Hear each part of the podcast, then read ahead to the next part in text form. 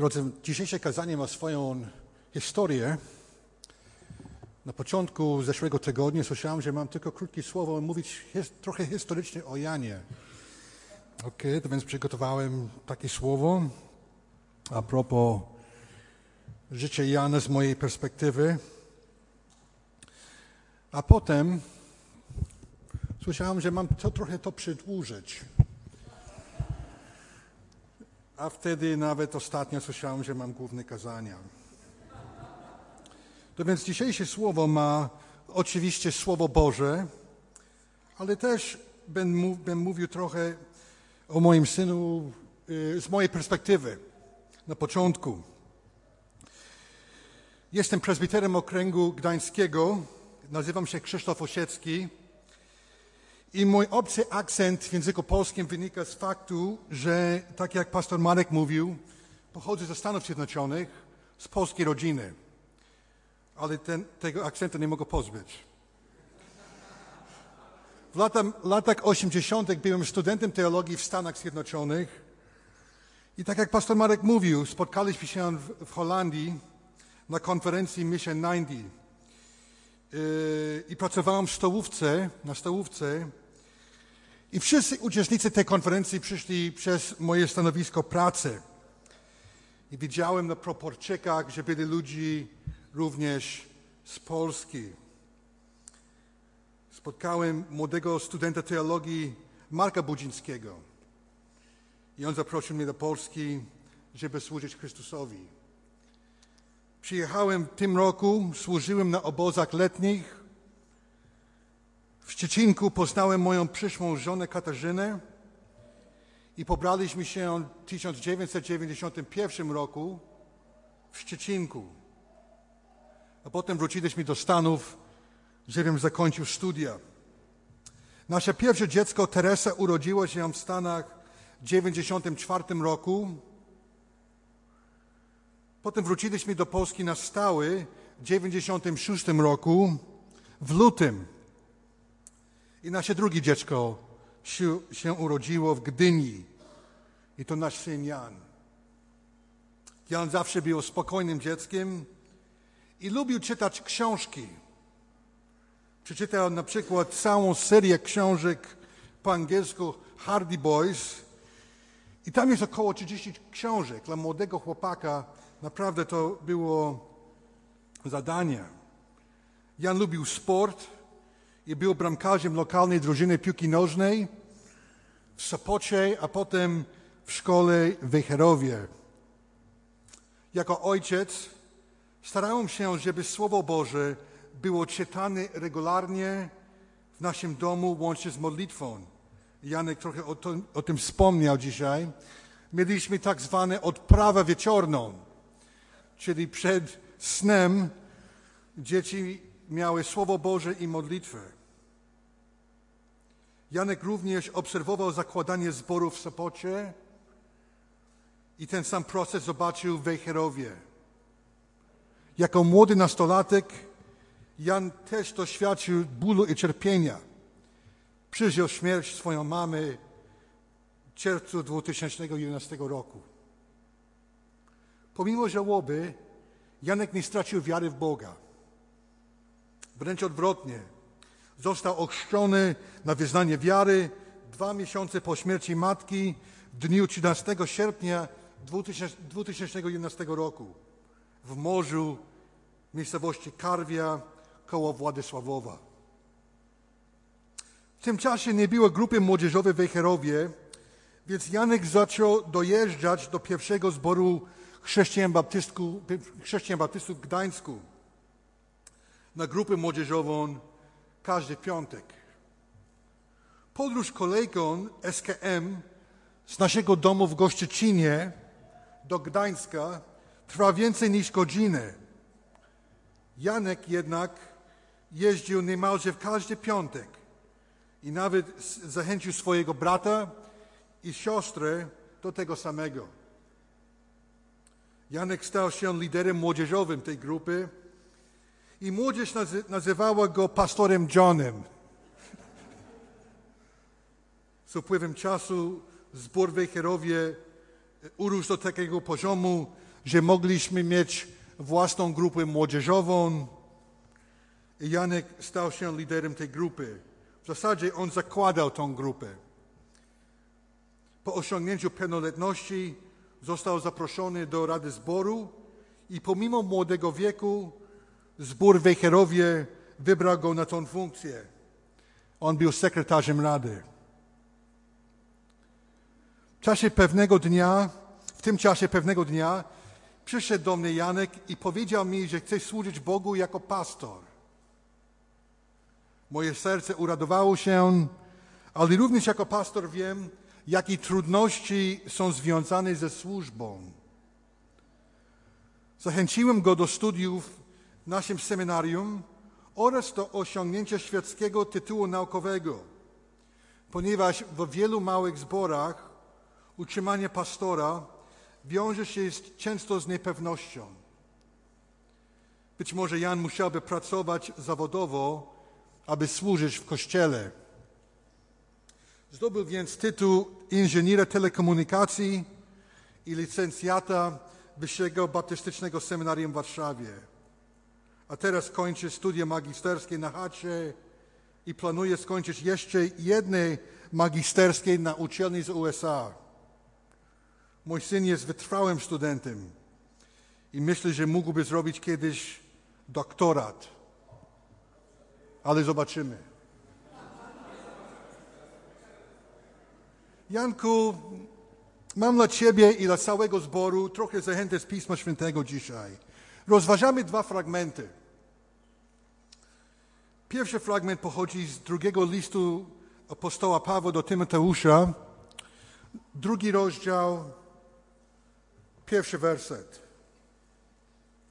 Drugi list apostoła Pawła do Tymoteusza, drugi rozdział, pierwszy werset. Brzmi tak. Tak więc, synu mój, wzmacnajcie, wzmacnaj, się, wzmacnaj się w łasce, który jest w Chrystusie Jezusie. Wzmacnaj się w łasce, który jest w Chrystusie Jezusie. Fragment mówi o łasce. Więc pierwszą rzeczą, którą musimy wyjaśnić, jest to, czym jest łaska. Łaska, charis po grecku, jest niezasłużoną przychylność Bogu, przychylnością Bogu ku człowiekowi. W naszym kontekście apostoł Paweł używa tego słowa jako synonim słowa moc, podobny do tego, co napisał w Efezjan 6:10. Tam brzmi: W końcu, bracia moi, umacniajcie się w Panu i w potężnej mocy Jego. W takim znaczeniu apostoł zwraca się do swojego syna w wierze Tymoteusza. Janku, masz wzmacniać się w łasce Bożej, ponieważ służba duszpasterska jest bardzo trudna i wymagająca. I mam trzy zakresy, gdzie ta łaska powinna być widoczna. Pierwszy jest tu, e, to jest, pierwszy jest następujący. Masz się, wzmacniać się w łasce Chrystusa w traniu w modlitwie. W tran, traniu w modlitwie.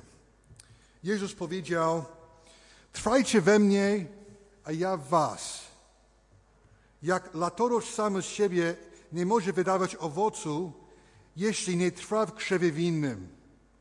Tak i wy, jeśli we mnie trwać nie będziecie, ja jestem krzewem winnym, wy jesteście latoroślami. Kto trwa we mnie, ja w nim, ten wydaje wiele owocu, bo beze mnie nic uczynić nie możecie. Nic uczynić nie możemy bez mocy Chrystusa. Nasza siła w służbie pochodzi z łaski modlitwy. Bez trwania w Chrystusie w modlitwie nic nie możemy uczynić. Janku, powinien, powinieneś codziennie wstawiać się za ludźmi, których Pan Bóg Ci powierzył. Jan Chrzciciel przypomina nam, Nie może człowiek nikogo wziąć, jeśli mu nie jest dany z nieba. Rozumiesz to?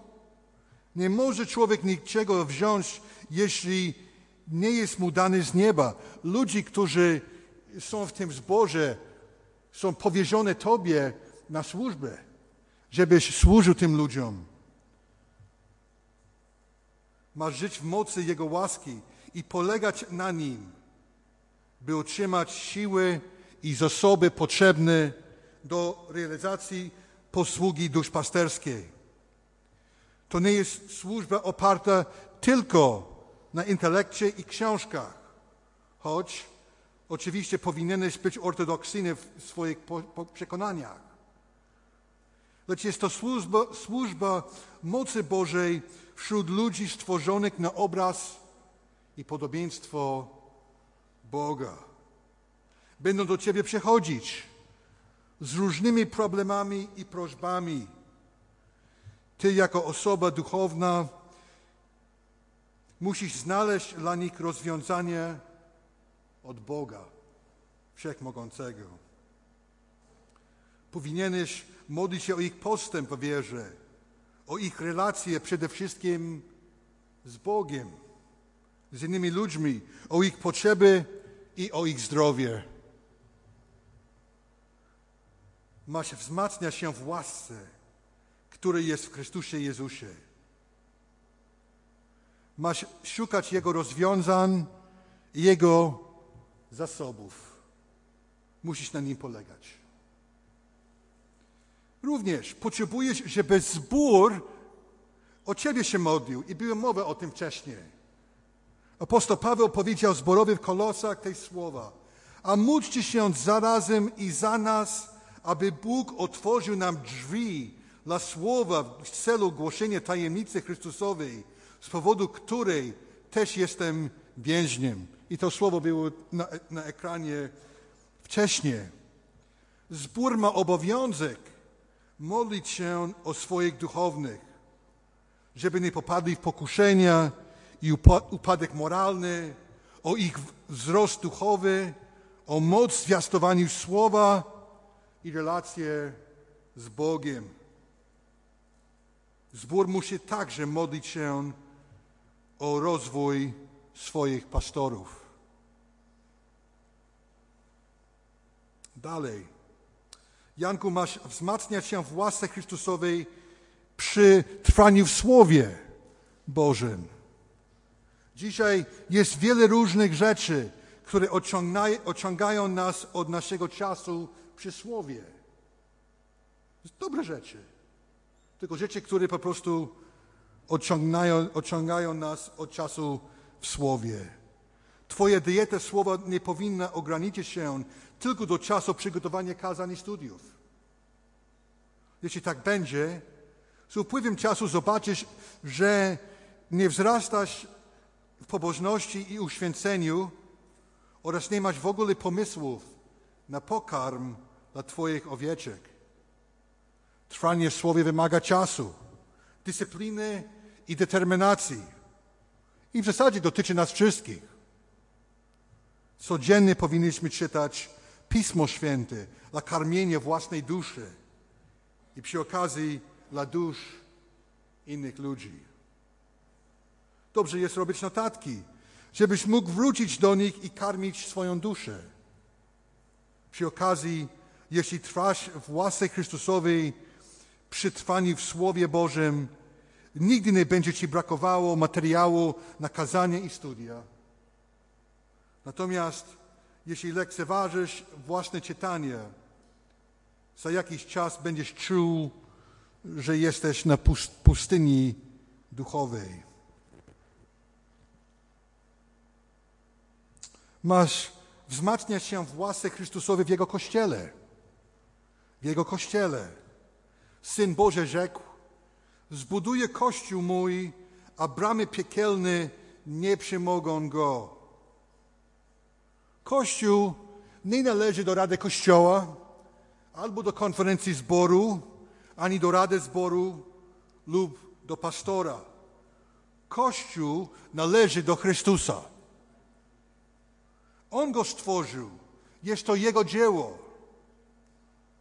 Ty masz szanować ten Kościół i zawsze pracować nad Jego wzrostem i zdrowiem i nigdy nie działać na Jego szkodę. Kościół, eklesia, to ludzi, a nie budynki i struktura. Masz, masz oczywiście szanować strukturę Twojego Kościoła i liderów Kościoła. Dla chrześcijan zbór jest źródłem łaski powszechnej i szczególnej. Wierzący otrzymują swój główny duchowy pokarm w Kościele. Mają społeczność z innymi, żeby kontynuowali swoją pielgrzymkę z Chrystusem. W Kościele dostaną pomoc i wsparcie w najważniejszych wydarzeniach życia ludzkiego, takich jak błogosławieństwo nowonarodzonych dzieci, chrzty, śluby i pogrzeby.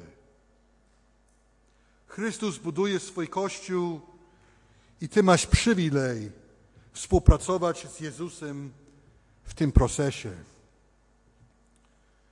Mówiłem na początku, że będą dwa wersety, dwa fragmenty. I czytaliśmy podczas tego nabożeństwa już ten drugi werset. I zapraszam do pierwszego listu apostoła Pawła do Tymoteusza, do czwartego rozdziału.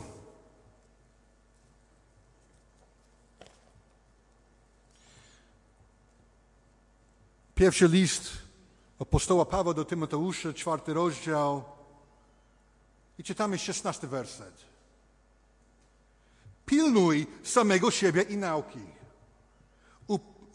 Upomnij, e, traj w tym, bo to czyniąc samego siebie zbawisz i tych, którzy cię słuchają. Pilnuj samego siebie, siebie i nauki.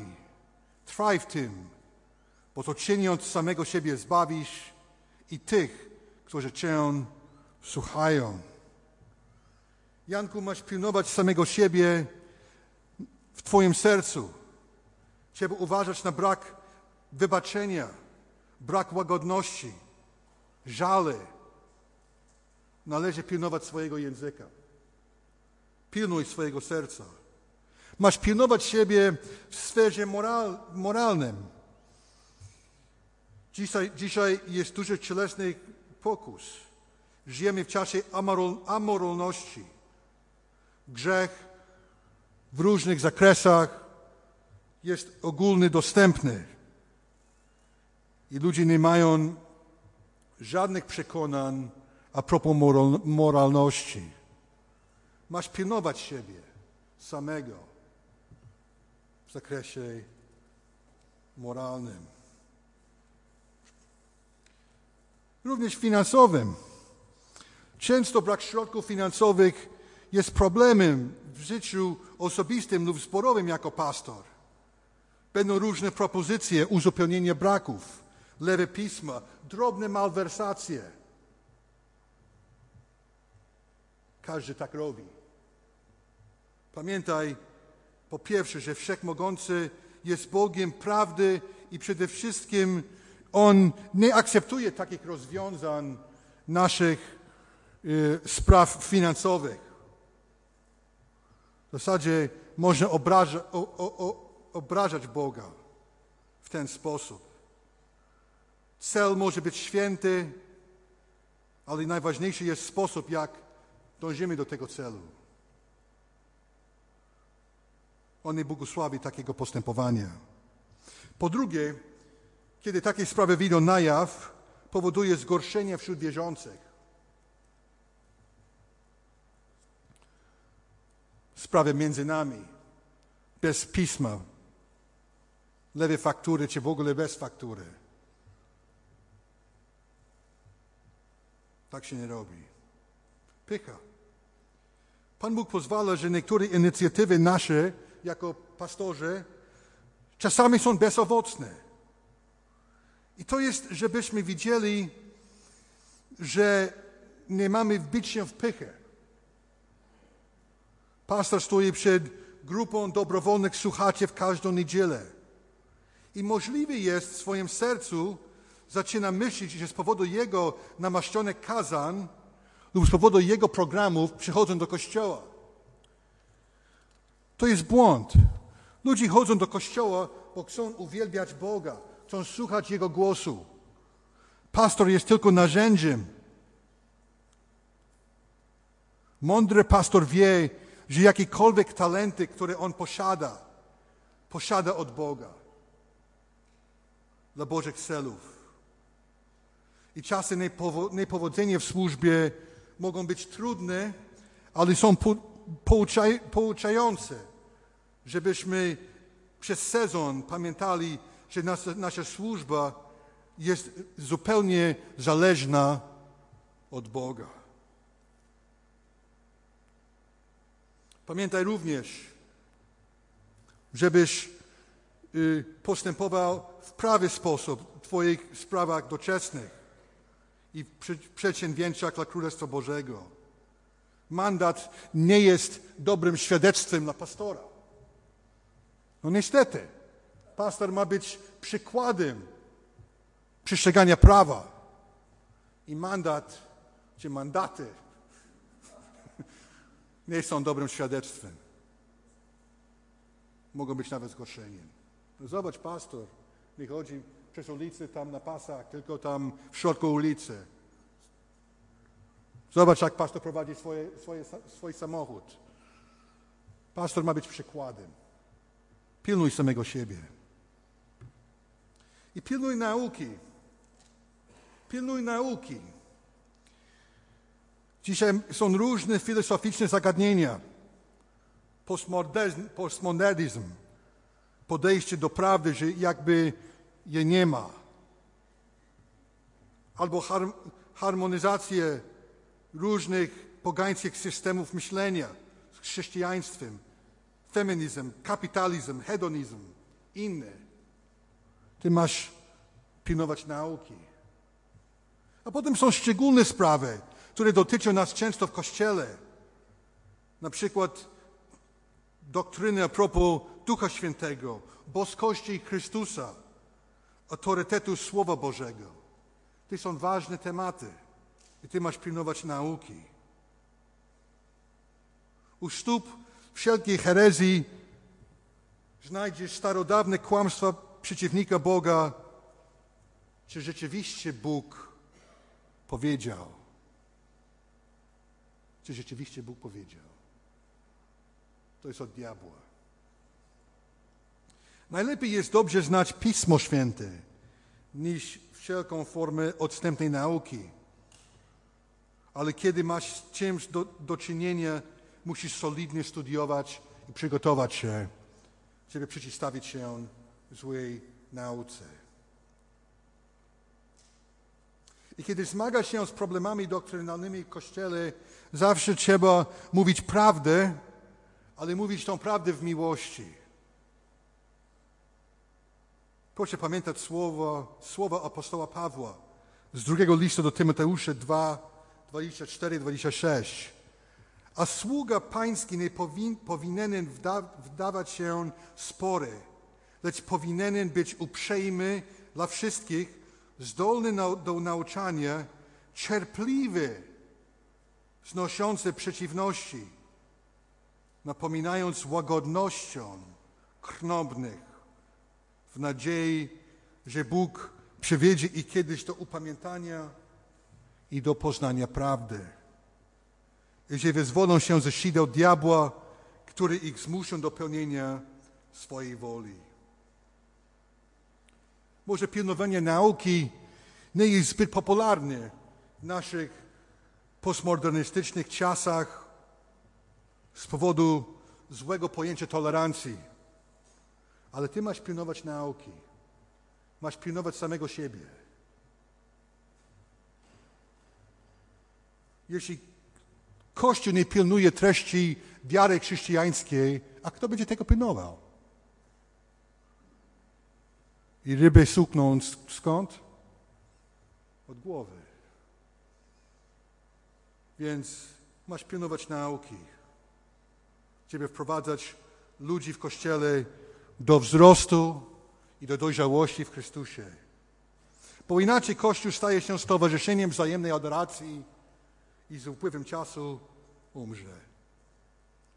To więc pilnuj samego siebie i nauki. Trwaj w tym, bo to czyniąc i samego siebie zbawisz i tych, którzy Cię słuchają.